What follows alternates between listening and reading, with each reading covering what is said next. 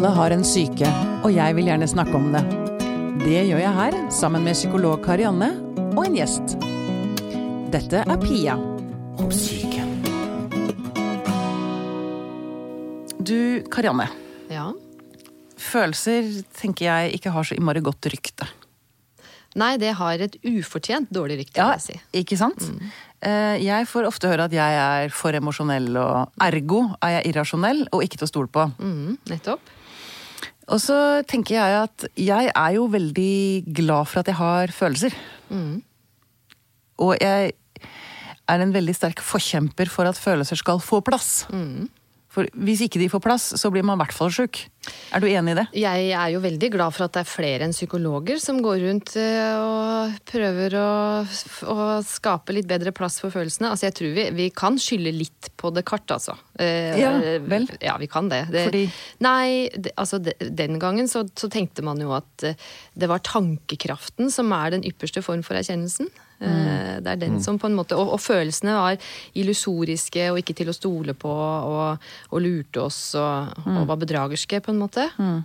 Men, det, men etter hvert, så særlig spesielt i psykologien, da, i mitt fagfelt, så har, jo, har vi jo etter hvert forstått betydningen av følelser. Både i forhold til tilknytning og utvikling og, og psykisk helse, rett og slett. Ja.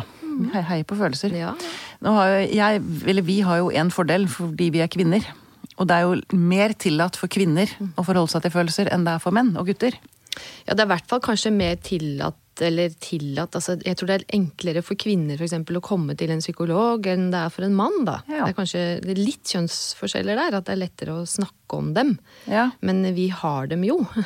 Ja, for Alle mann. Ja. ja med, med vekt på mann. Ja.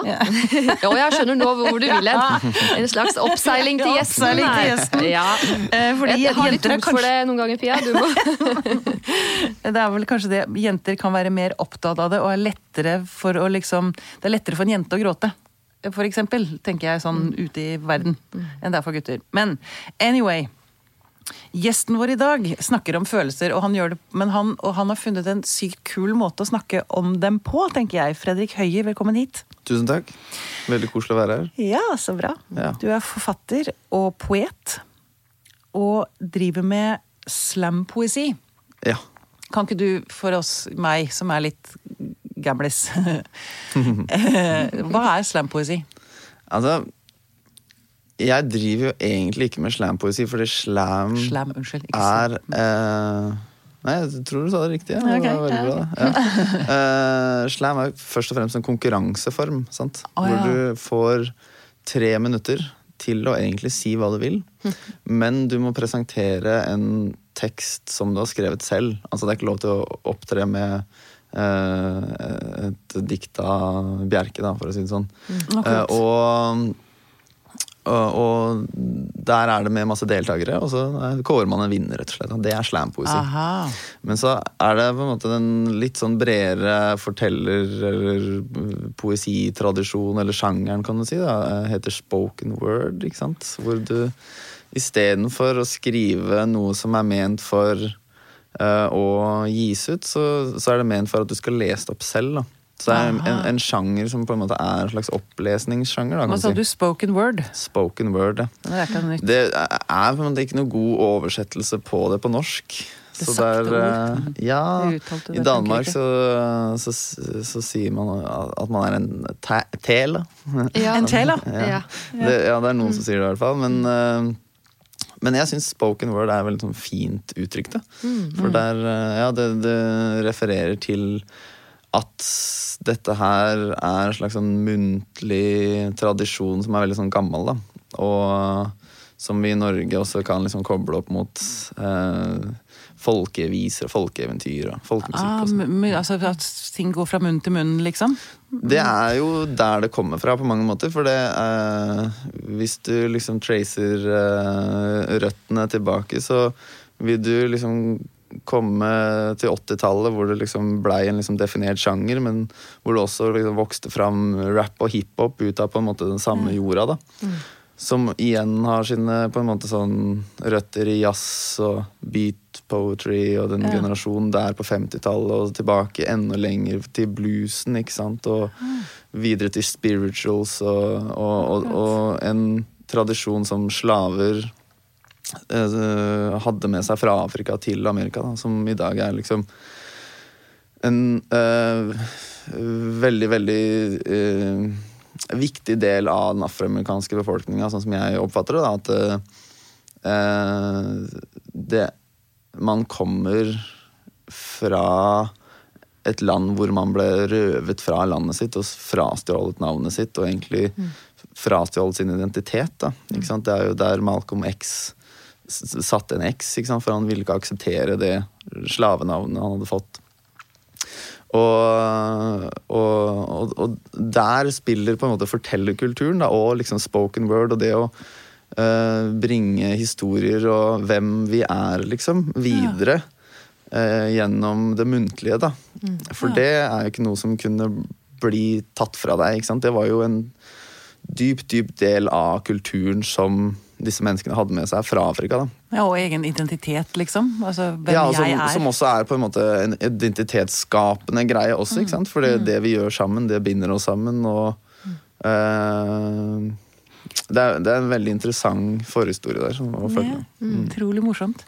Du, men jeg, eh, du nevnte også rap, for eksempel. Jeg vet jo at det finnes kvinnelige rappartister og slampoeter og spoken word.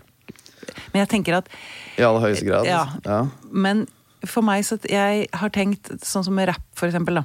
Mm. At det er faktisk en måte menn kan uttrykke følelser, Ja, og samtidig si. Ja. opprettholde en kulhetsfaktor. Ja. jeg skjønner hva jeg mener. At. Men allikevel så får man sagt ganske dype ting. Vonde ting. Eh, Mm. Det, det var vel kanskje noe av det som på en måte appellerte til meg da jeg var tenåring. da. ja. Eh, da jeg ble For du begynte allerede da? Eh, ja, altså spoken word eh, og slam-poesi og sånn. Første slam jeg var med på, var vel eh, Begynner å bli sånn eh, 11-12 år siden, altså. Ja.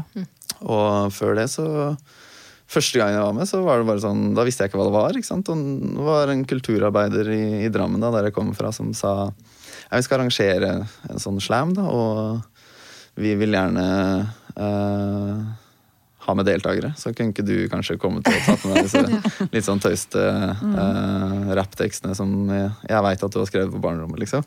Så eh, da ble jeg med, og siden jeg drevet med det. Var hobby i mange år, ikke sant, ved siden av uh, studier og sånne ting. Men eh, så har jeg alltid vært interessert i skriving, og skriving har vært veldig viktig, da. Eh, også litt inn i det landskapet du snakker om, altså, på en måte det å få ut følelser. da. Eh, Det å uttrykke seg kreativt er jo på mange måter også det. ikke sant? Og, eh, å drive med kunstneriske uttrykk. da.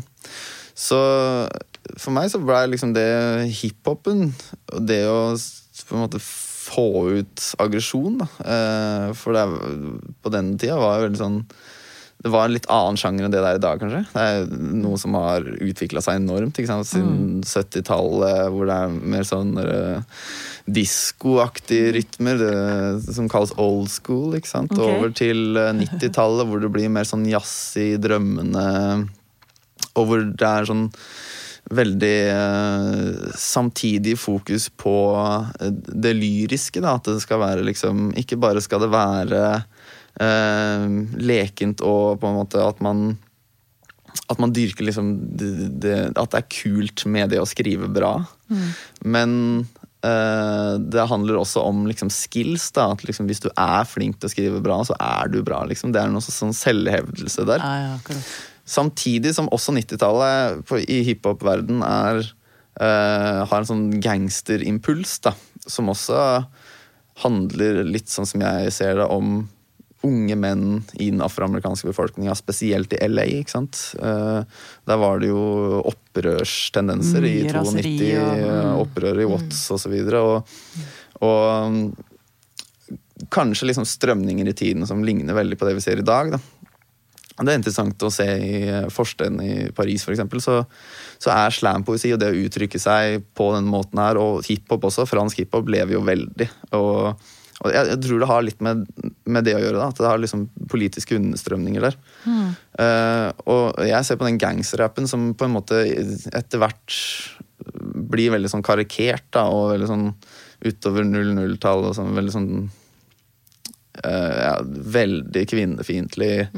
Ja. uh, innmari på en måte sånn Det kapitalistiske er på en måte hovedidealet. Da. Det er penger og makt, liksom. Mm. Store manns... uh, Er det ikke ofte den veien det går, med ting som, som begynner i, på røttene, vokser seg stort, og så blir Ja, det kapital, eh, storkapitalen som kommer inn? Ja, i hvert fall i USA, da. Så, så, men, men jeg ser også på det som en slags sånn derre uh, empowerment-greie for unge, fattige, svarte gutter, da. Ja. Og, og det, den på en måte sånn derre faen heller, liksom, eh, eh, holdninga, og den litt sånn derre fuck the world-holdninga også, eh, appellerte jævlig til meg, da, også da jeg var tenåring, liksom. Ja. Og det kan ha noe med det, selv om jeg hadde liksom ikke noe politiske greier i bakgrunnen som gjorde det liksom valid, men altså, det var fortsatt så var det vel det bare det å få uttrykke seg, da. Og det å kunne nettopp snakke om liksom Ja, få uttrykt følelser, da, kanskje. Det, der var det liksom en, en kjerne til sinne, da. Ja.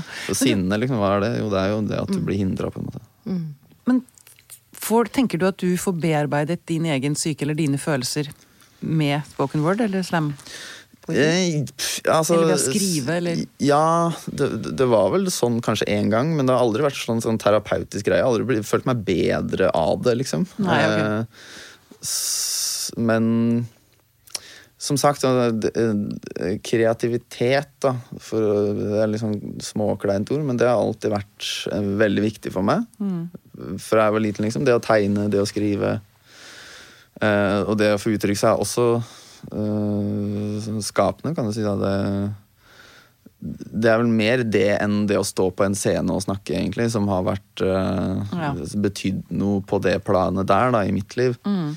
Men absolutt det å eh, stå på en scene, det å spille skuespill for, for en del, eller, eller det å skrive uansett hva du skriver, tenker jeg at da jobber man med emosjonell materie. Ja. Og det er det du har å jobbe med. ja, ikke sant? Man må jo forholde seg til sine egne følelser når man jobber med sånne ting. Ja, det er Ikke sant? ja. Mm. ja. Ja, og, eh, og samtidig så Altså, jeg har jo hørt Grønlandssutraen. En av de tingene du har gitt ut ganske mange ganger, faktisk. Eh, og jeg, jeg tror ja, det, det er så mange ting jeg tenker om den, men eh, jeg, lik, jeg, jeg tror det er mye gjenkjennelse, da. Eh, for at jeg får sånn inntrykk at eh, det er en person som um, som søker liksom der ute i verden. Er, hallo, er det noen her? Er det noe kontakt? Er det noe eh, Igjen og igjen og igjen. Er det, er det, er det, er det noen der å være i kontakt med? Og så, og så syns jeg For det jeg lurer på, er eh, En ting er følelser, men jeg får litt sånn inntrykk av at det er sånn som også jeg tror er veldig gjenkjennelig. Det er sånn strøm av innfall og tanker og, som bare går og går og går. og så tenker Jeg altså jeg skjønner jo at du sikkert ikke driver noe sånn Knausgårdsprosjekt, da, for det er jo fiksjon, men jeg får jo inntrykk av at det må foregå veldig mye inni hodet ditt. At det er en sånn strøm av og Som jo er Som, som jeg tenker kanskje eh, er noe vi alle har, da. Men som du klarer å få ut både ved ordet som er innholdet i ordet, og måten det blir sagt på. Jeg er veldig interessert i eh, eh, fordi Eller eh, ja, jeg er interessert i hva som skjer når man snakker, da. Ja. Altså, fordi det har jo etter hvert liksom blitt sånn Jeg har blitt mer og mer interessert i det etter hvert som jeg har drevet med det som ja, heter spoken word, da. Ja. Som blei utgitt som litt sånn klein Jeg fant ikke på noe bedre, så eh, det var vel eh, dikt ment for høytlesning, som var sånn sjangerbetegnelsen. Så, øh, for det var meninga at det skulle leses høyt, da. Ja. Da og det at man sier øh, Nei, altså i den diktsamlinga Ah, ja. som, øh, som heter Grønlandsutran. Uh, så Så er det det at du sier noe, liksom, som Mm. er egentlig like viktig som øh, hva du sier, da. Ja. For det er på en måte den uh, ytringa som en uh, performativ greie, da. Som jeg er interessert i. For jeg tenker, bare for å dra dette tilbake til gutter og psyken og Ja. følelser. Mm. Der tenker jeg du sier noe veldig viktig, da. Det å si noe er veldig viktig. Eh, ikke å lukke det inne, men å få det ut. Ja, jeg, jeg ser på det som en slags sånn demokratisk, eh, prinsipiell greie, da. At det, det ehm, I et liksom gitt debattklima så må det være en åpenhet for at alle skal kunne komme med noe. Og alle må også føle at de kan komme med noe. Eh, Men for du skriver og sier jo eh, noen ganger sånn derre Men jeg kan jo ikke si dette. Jeg kan jo ikke skrive dette. Det syns jeg også er så kult, fordi det er, så, sånn tenker man jo. Jeg også tenker det, men jeg kan jo virkelig ikke si dette. men så kan du jo faktisk si det. ja. Og du overlever det. Eh, Og ikke bare overlever du det, men det blir skikkelig kult. Altså, det svinger jo. Altså, du får liksom Du uttrykker det så utrolig bra, det jeg ofte kan gå og kjenne, at jeg må holde det inne, fordi hvis jeg slipper ut dette, så blir jeg tvangsinnlagt, liksom. Det var det som var litt av ideen med den diktsamlinga. At Du sier at det er tanker som kommer og går, og det var jo også på en måte den, den store ideen. da, At, at det skulle handle om liksom bekymringer som går i en Ja. loop. Nettopp. Og, og det er derfor det er en sånn diktsyklus òg, for det stopper der det starter. Og sånn følte jeg litt at på en måte øhm, Bekymringen over verdens øh, problemer, da, som man kan velge å gå og bekymre seg over så mye man vil, egentlig, øh, var Det var noe som kom og gikk. Altså, i en kanskje sånn, og, og, og fortsatt er. Men det, det, det spørs hvordan man forholder seg til det i en slags sånn 14-dagers syklus så var det sånn enorm angst som gikk over til en slags sånn eh, Ja, hva skal jeg si? Sånn at man bare ja, Det var sånn der five stages of grief, nesten. ikke sant? Og så, som endte opp med at man liksom glemte det litt. da. Før Ja. man kommer på det igjen. Ikke sant? Og så Mm, ja. ah, faen, Det er fortsatt der. Og så, Ja. Jorda går fortsatt under. Men uh, um, så, så det var litt av, av, av- tanken òg. At, man, uh, at jeg ville inn i det uh, Kan ord være mer enn bare ord, da?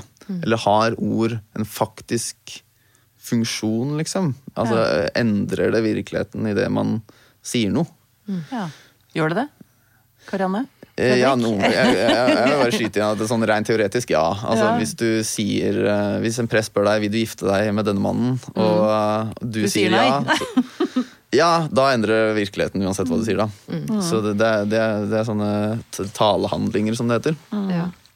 Men, og, men, og ord kan jo altså de, de har jo en enorm definisjonsmakt om det blir sagt høyt eller ikke. Også. Altså Når det bare foregår inni hodet på en, så kan man jo over ganske lang tid snakke veldig stygt til seg selv med en veldig sånn stygg stemme. Eh, som gjør at man selvfølgelig over tid får en fortelling rundt seg selv som en person som ikke er et bra menneske. Da. Eh, så, det, så det er klart de har kraft. Ja. Og, og tanker også som er på en måte helt overveldende grå masser av faenskap, liksom. Ja. Idet du sier det Ja.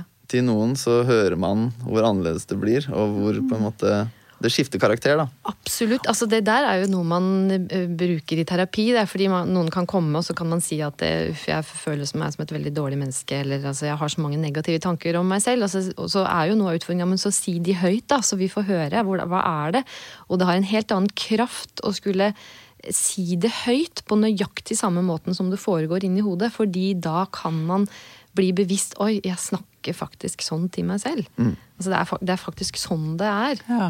Hva slags, kan du komme med eksempler? På, altså, på, av, Som, av noen, som noen sier? Ja. Eh, Altså, det, det er de styggeste ting. Det er eh, spesielt mye jeg hører, da. Mm. Din feite idiot. Eh, Din feite jævel. Altså, det blir bare og, og, det, og, og, det, og det blir bare sagt sånn høyt. Det kan bli skreket, ikke sant? Det er- Med en sånn overbevisning at man faktisk Ja, går og tror ja, på ja, det. altså, Når det sitter noen andre der og lytter, så er man ikke i tvil om at det er det vedkommende mener. Så, og det er derfor jeg tenker eh, eh, Fordi jeg får litt når jeg, når jeg hører noe av det du skriver og måten du leser det på, da, så er det som om du har kommet til Det er mulig jeg legger for mye i det, men det jeg blir så nysgjerrig på, til en aksept om at sånn, ok, de er der. Som du sier, Og så kommer den tanken igjen. Å, for fader, nå er den der igjen. ikke sant? Men, men og så blir den litt borte, og så kommer de igjen. Altså, og sånn er jo tanker. Og Ja, det er det, men det, er, det kommer rett ut av meditasjonspraksis som jeg har drevet med Ja. i fem år, kanskje. nettopp da. Eh, som eh, ikke er på en måte sånn dyp, opplyst greie, men eh, ja, som rett og slett kommer eh, ut ifra det. Altså. Og, Ja. og når vi først snakker om liksom, det å mestre følelser, det å, og, og, og også at menn snakker om følelser også, eh, så har det vært veldig, veldig viktig for meg. Altså. Jeg tror ikke jeg kunne egentlig drevet med det jeg driver med, uh, hvis ikke jeg hadde det, ver det verktøyet det er. Fortell jeg vil anbefale om- det til absolutt alle som driver med det jeg Mm. driver med, og det gjør jeg altså. Alle skuespillere. Alle eh, som ha, står på en scene foran mennesker. Altså, Men ikke, jeg er tenker bare ikke dem engang. Altså, Jeg tenker på alle de som går, altså spesielt kanskje unge mennesker, da. Eh, som går der ute og baler med fryktelig mange vonde tanker. Ja. Jeg, jeg, jeg øh, mener at det burde egentlig inkorporeres på skolen fra en veldig tidlig alder. Altså- kan du fortelle litt om teknikken, eller hva det er du får ut av den? Meditasjons... Ja, det finnes jo mange forskjellige teknikker, men øh, Jeg øh, har drevet litt forskjellig. Ja. Men det er hovedsakelig på noe sånn pust, å legge merke til pusten. Helt sånn basale At man lukker øya, eventuelt har dem halvåpne. Og egentlig bare sitter og legger merke til pusten. Altså. Og så er det da en øvelse i at man faller ut i tanker, da. Og de tankene oppstår. Og så henter man seg selv tilbake. Og sånn som jeg Nå vil jeg si altså, Selv om jeg har drevet med det i mange år, så altså så er det mange andre som kunne svart på dette her bedre enn meg, men jeg ser jo absolutt på det mantra-baserte, hvor du sitter og chanter noe.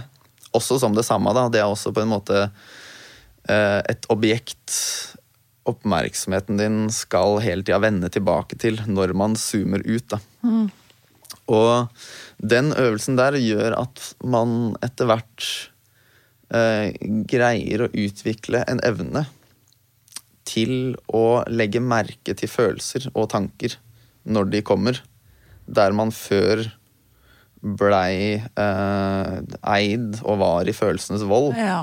Så greier man å, eh, etter hvert å, gjennom trening, altså for det er trening, eh, legge merke til at nå er jeg redd, da.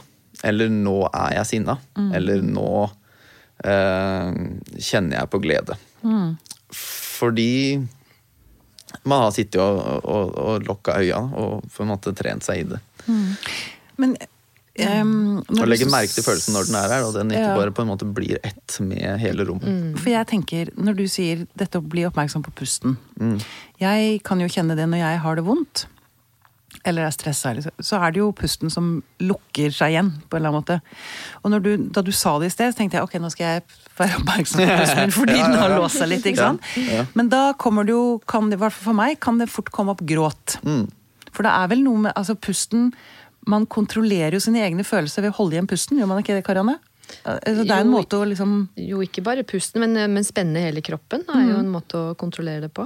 Og det, man skal jo ha litt mot for å Mm. da tørre å stå i de følelsene som kommer når man begynner å puste ordentlig. er vel egentlig Altså, du sier at Ja, og så handler Ja. det også like mye å legge merke til den pusten som er. Sant? Fordi det er en veldig sånn interessant eh, observasjon man gjør seg etter hvert. da. Eh, For i starten så brukte jeg kanskje det første året så satt jeg og prøvde å puste riktig, liksom. Ja. Mener? Og etter hvert så bare skjønte jeg bare Å ja, jeg skal egentlig bare ikke gjøre en eh, dritt. Jeg skal bare sitte og legge merke til den pusten som er der naturlig, da. Og så gikk det enda et par år, og så øh, fikk jeg en sånn skikkelig epiphany, og det var at pusten er også veldig, veldig, veldig nært linka til øh, altså det helt øyeblikkelige følelseslivet. Altså Hvis man legger merke til pusten, så vil man også legge merke til hvordan man har det inni seg. Og det er, øh, ja, Pusten har på en måte sånn kroppsforankring til sinnet som er eh, jævlig, jævlig vevd eh, sammen. Altså, og, og utrolig fascinerende. Og, det, og, og, og det var en epiphany, for jeg skjønte at sånn er det jo. Hver gang jeg syns det er tungt, så puster jeg tungt, liksom. Og hver gang jeg blir stressa, så kjenner jeg at det, liksom, det reiser seg litt oppi her. Og, og, um, og når jeg er rolig, så puster jeg liksom på en viss måte. Uh, og, og, ja, og det er jo også det som jeg er veldig oppmerksom på, og som er egentlig grunnlaget for at jeg kan stå på scenen. For jeg har ikke egentlig noen sånn særlig formell trening i eh, noe av dette her. Jeg har egentlig bare lært meg til å stå foran folk ved å gjøre det dritmye. Og, og det er det at, eh, at at kroppen, og på en måte sånn eh, det å kjenne tyngden og pusten i kroppen når du står foran folk, eller også når, du, når jeg snakker med dere nå, liksom, mm. skaper et, et mye større nærvær da, som ikke bare er bra for meg, men også er bra for eh, alle oss tre nå, eksempel. Ja, ja.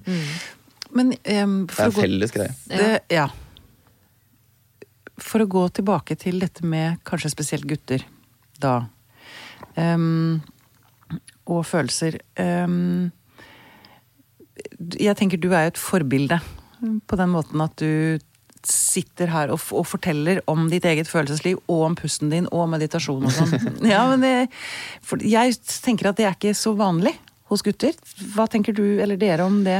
Og, Nei, Jeg kan jo bare svare på en som på en måte følger med i kulturliv og sånn. Jeg, jeg syns jo at, uh, at uh, der er det mange, liksom uh, Og jeg, jeg vil jo si på popmusikken, som også har blitt mer sånn kunstorientert de siste åra, liksom, er med på å skape et skifte der, da. Eh, jo, de, tekstene til artisten som heter Cezinando, for eksempel. Altså, det er Det er veldig ærlige ting som jeg tror oppmuntrer og inspirerer gutter og jenter, egentlig, til å til å bryte ned det jeg ser på som liksom kulturelle kjønnsmønstre, da.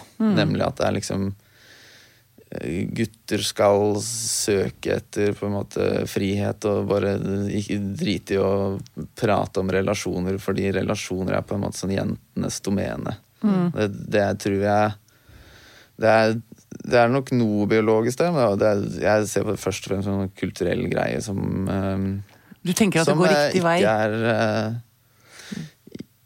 Ja. Jeg, jeg, tenker at det er noe i tida, i hvert fall. Mm. Som, er, eh, som ikke har noe som helst med meg å gjøre. Men som jeg er en del av. da. kanskje. Ja, men for vi, ikke vi trenger ikke å gå mer enn én eller to generasjoner bak før man, altså menn bare ikke Ja. snakket om det i det hele tatt. I det hele tatt. Altså, I min egen familie så Så er det et, et enormt hopp fra farfar til min far. Altså, det var et stort leap der òg. Jeg tror han var veldig mer åpen, da. Selv om farfaren min ikke var eh, Men går du enda, enda et steg tilbake, så så, så vil du altså det det er forskjeller man ikke eh, klarer å ta inn over seg. Da. Eh, ja. Og så, og så tenker jeg at, eh, for jeg, for jeg jo tror at det er en endring. Det er jo det er flere kvinner eh, fortsatt som går i terapi, f.eks. Men eh, mm, jeg blir jo opptatt av å tenke at eh, vi skal ha en respekt da, på en måte for at eh, eh, man, når man er i en krise eller en sorg, så løser man det forskjellig. Eh, Både mann og kvinne, men også kvinner seg imellom og mann imellom. Altså en, en mann kan være Kan snakke mer om en sorg enn en annen kvinne også. Altså det er ikke Kjønnsforskjellene kan være der, men, men eh, det er også forskjeller innad i kjønnene. sånn at vi skal ikke segregere det helt. Da. Nei, det ser jeg, men Nei, men, i og med at temaet er det det er, så er, vil vel jeg egentlig mest peke på det at liksom, hvis man går inn i en tilfeldig videregående, da, så, så vil jeg vel si at eh, på en stor skala Så er det forskjell. Ja, det vil jeg, det vil jeg Det- påstå. Ja, absolutt. Det, jeg tenker også det. ja. Og, og der Ja, altså Hvis jeg kunne på en måte lagd et sånn Fredrik-utopisamfunn, altså, så, så ville jeg ganske straks uh, starta i, på barneskolen. Altså Med hva da? Hva ville du gjort? Hvis du var barneskolelærer og jeg, akkurat det du ville. Hvis jeg kunne gjøre akkurat det jeg ville, så ville jeg altså Jeg ville laga et fag som hadde med uh, menneskelige relasjoner å gjøre. Som også uh, hadde med eh, det som i dag blir eid av uh, selvutviklingsguruer. Ja, liksom. industrien. Mm. Ja. Jeg ville i, i, I et samfunn jeg kan se for meg, som er mulig, så, så er det noe som ikke liksom noen profitterer på, men som uh, vi heller driver med som en vitenskap og finner ut av. Ja. Uh, det er sjokkerende hvor lite vi kan. Uh, altså, no offense til hele legestanden. Men altså, tar jeg ikke så, ja, altså, Jeg er jo enig. Dere som driver med terapi da, Mm. for andre mennesker, er jo på en måte pionerene. Men eh, den kunnskapen og den kompetansen som dere besitter, Mm. burde vært allmenn. Og øh,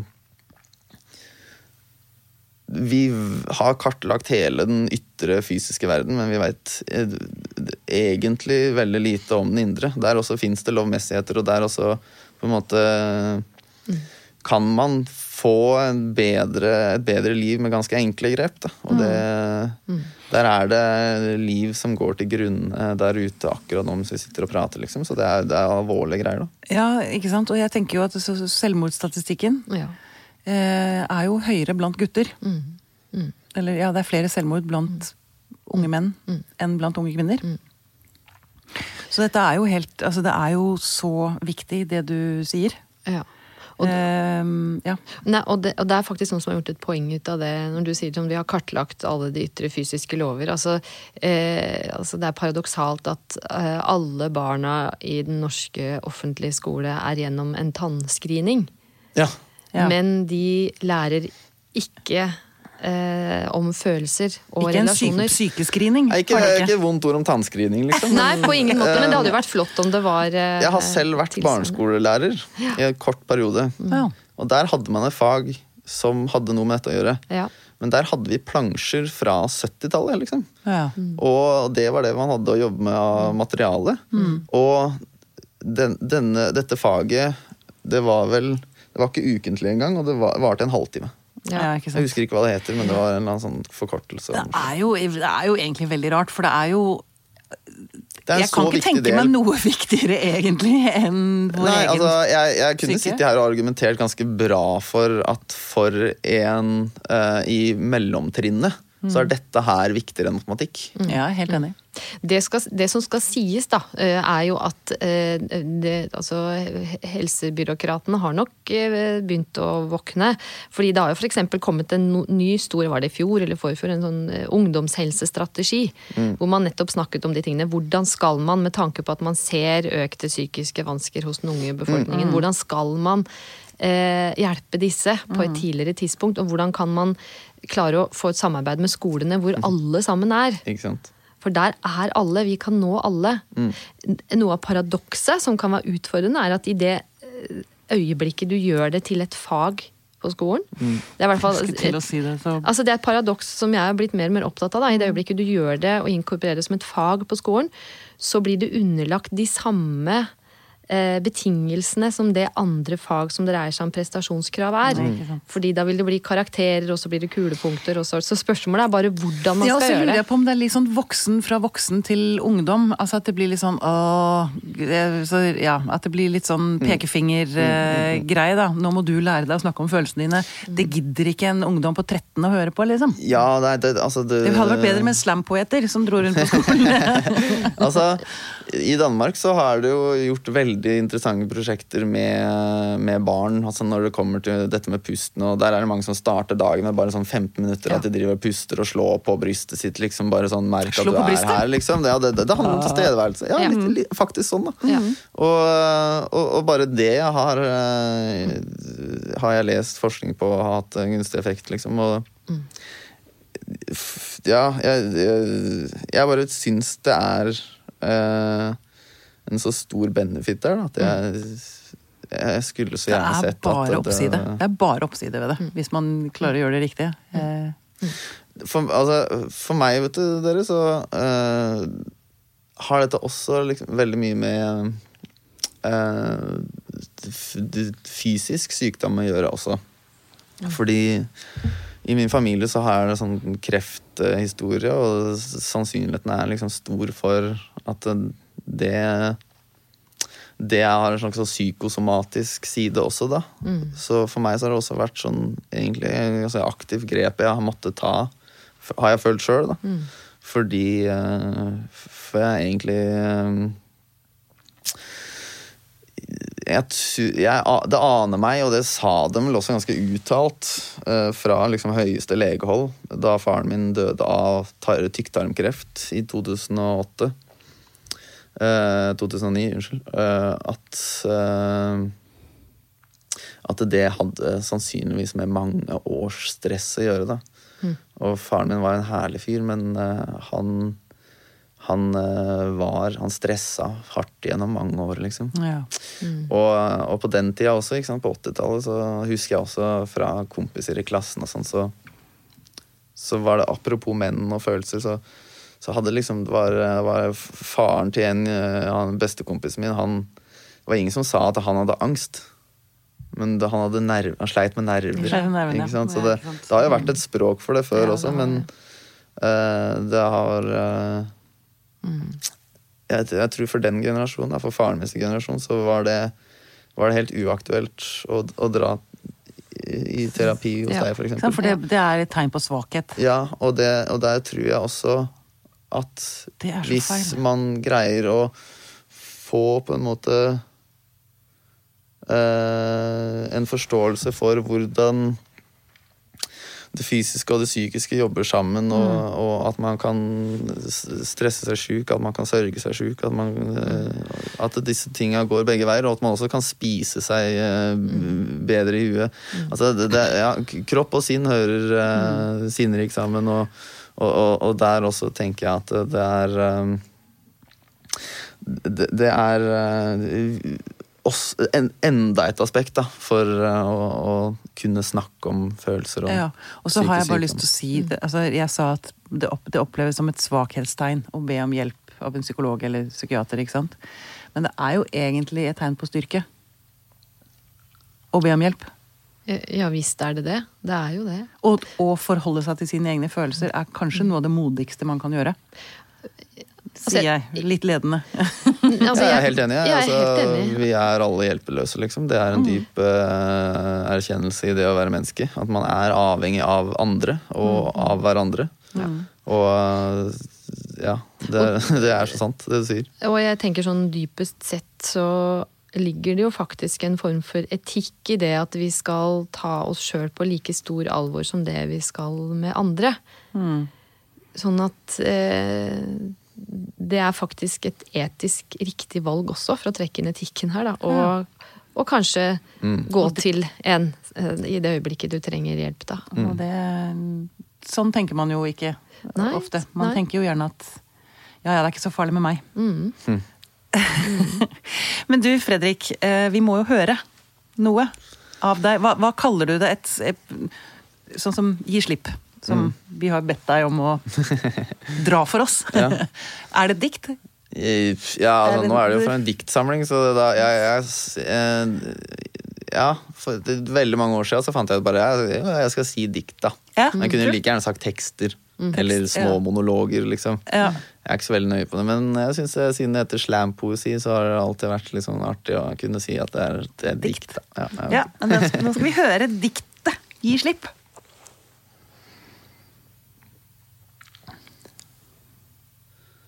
Når du sitter foran en mikrofon og er tørr i halsen og ikke helt veit hva du skal si, og folka som hører på, venter på deg, og du må ut og rekke den parkeringa og har egentlig litt dårlig tid. Og du må jo fylle på med et eller annet I hvert fall litt. Men når du lukker øya og blir stille, er det ikke noe tomrom å fylle. Gi slipp. Når et hårstrå faller av, og du står her sånn faen ta etter ha dusja, og ser på det hårete håndkleet og drar hånda gjennom håret og angster for å bli skallete og gammel og nå en alder der ingen damer vil ta deg med tang mer, og et enkelt, enkelt hårstrå faller ned foran øyet ditt, og du står der naken, vet du, og gapende, og griper det. Gi slipp. Når Tottenham ikke klarer fjerdeplassen i Premier League for 26. året på rad, og du er fyllesyk og et vrak på sofaen, og yndlingslaget ditt i Norge, Strømsgodset, ligger bak, og du har satt 500 kroner på at motstanderlaget skal vinne, bare sånn at du ikke blir sånn altfor skuffa når de taper, og så ender det 1-1. Når du har stått bak disken i bokhandelen i åtte år og studert ved siden av så godt det går, og hun gamle dama som pleier å handle der, kommer tilbake, og magen rumler for du har ikke spist hele dagen, og det føles som om navlen din berører ryggraden, og hun gamle dama spør hvor de andre som pleier å jobbe her, er hen. For hun stoler ikke helt på deg, hun må snakke med noen som kan litt om bøker, og ser på deg som dum og kaller deg for gutt og ung, men du er sånn 23, kunne vært trebarnsfar, og det er sju år siden faren din døde, og du føler at du snart har tatt imot nok som faenskap til å jeg vet ikke, snart være en mann. Men du svarer sånn Nei, nei jeg veit ikke, jeg tror det kanskje kommer noen halv to, men det er også noen boktips. Da. Jeg tror den boka her er god. Og hun svarer det hjelper jo ikke meg, det. Du må vite. Det hjelper ikke å tro. Og du må holde deg fast i disken for å ikke hoppe over og faen meg smekke dritten ut av og bitchlappe til du whiplasher deg litt, men du står der like høflig og forbanna. For det er samme, da. Gi slipp. Når du nettopp er ferdig med treninga og ser at du har fått en melding og at det er fra et navn da, som kiler litt sånn i mellomgulvet i forelska spenning, og etter å ha lest endinga av den meldinga tenker sånn skal jeg vente med et svar, er det lurt å virke interessert nå, eller må jeg være litt sånn kostbar, hvor lenge venter man egentlig på svaret på en melding? Spør du deg sjøl og bruker flere timer på en analyse av det hun skrev, før du komponerer en SMS tilbake til deg som ligner mer på et brev, og null må trykke på send, men greier ikke å vente for kanskje å ha glemt det, eller har flere sjarmører i innboksen på lur og trykke send allikevel og angre med en gang. Faen i helvete, jeg skulle drøyd den allikevel. Og lure på om hun svarer kvikt og sjekke mobilen hvert 50 minutt resten av dagen og i tre-fire dager til. Ikke plag deg mer. Gi slipp. Når du er dumpa og dritings og lei deg og trasker aleine asfaltveiene hjem i regnet og alle de der greiene og står og shiner og ringer på på dørterskelen hennes som en dørselger. Et tristere syn enn å onanere til en død elsker mens man ligger i en støvete seng og lager snøengel. Og ring, ring, ringer på og jamrer deg sånn ah, faen i helvete, gud bedre, det fins bare hun her ene, jeg får aldri bedre og vi vet bare aldri få oppleve kjærlighet mer. Kjære venner, hikk, jeg vil bare leve med henne, jeg gir henne noe bedre. Klikk! Et vindu åpner seg, noen sier 'stikk hjem og legg deg', så jeg mener det. Veit du hva klokka er, eller? Og sola, vet du, sola sto opp noen minutter senere. Ikke dvel ved det. Gi slipp. Når du sitter foran skrivebordet og skriver dikt om å gi slipp livet, døden, ikke sant, om svære ting og sånn, og tenker jeg kan ikke en dritt om dette, og gir opp når du ikke begriper orda, er så store, da. Og øyeblikket er så kort. Og livet er som et sånn dårlig ordtak på internett en quote. Man glemmer alltid bort. Når du sitter foran skrivebord og knoter og begynner loke og musepila sveve mellom nu og quit, og de som hører på, faller av litt underveis, eller synes det er dritt, er det helt greit? Gi slipp. Når du sitter foran en mikrofon og har glemt hva du skal si. I hvert fall sånn neste rim. Og later som du tar sånn stilig kunstpause, da. Og oppi huet så er det hjernecelleanarki. Men vet du, de veit da faen om du har skrevet dikt eller bare sitter og freestyler og finner på noe skitt. Når du glemmer alt, og alt går bort, og alt er lost og alt er tapt, er alt som før. Gi slipp.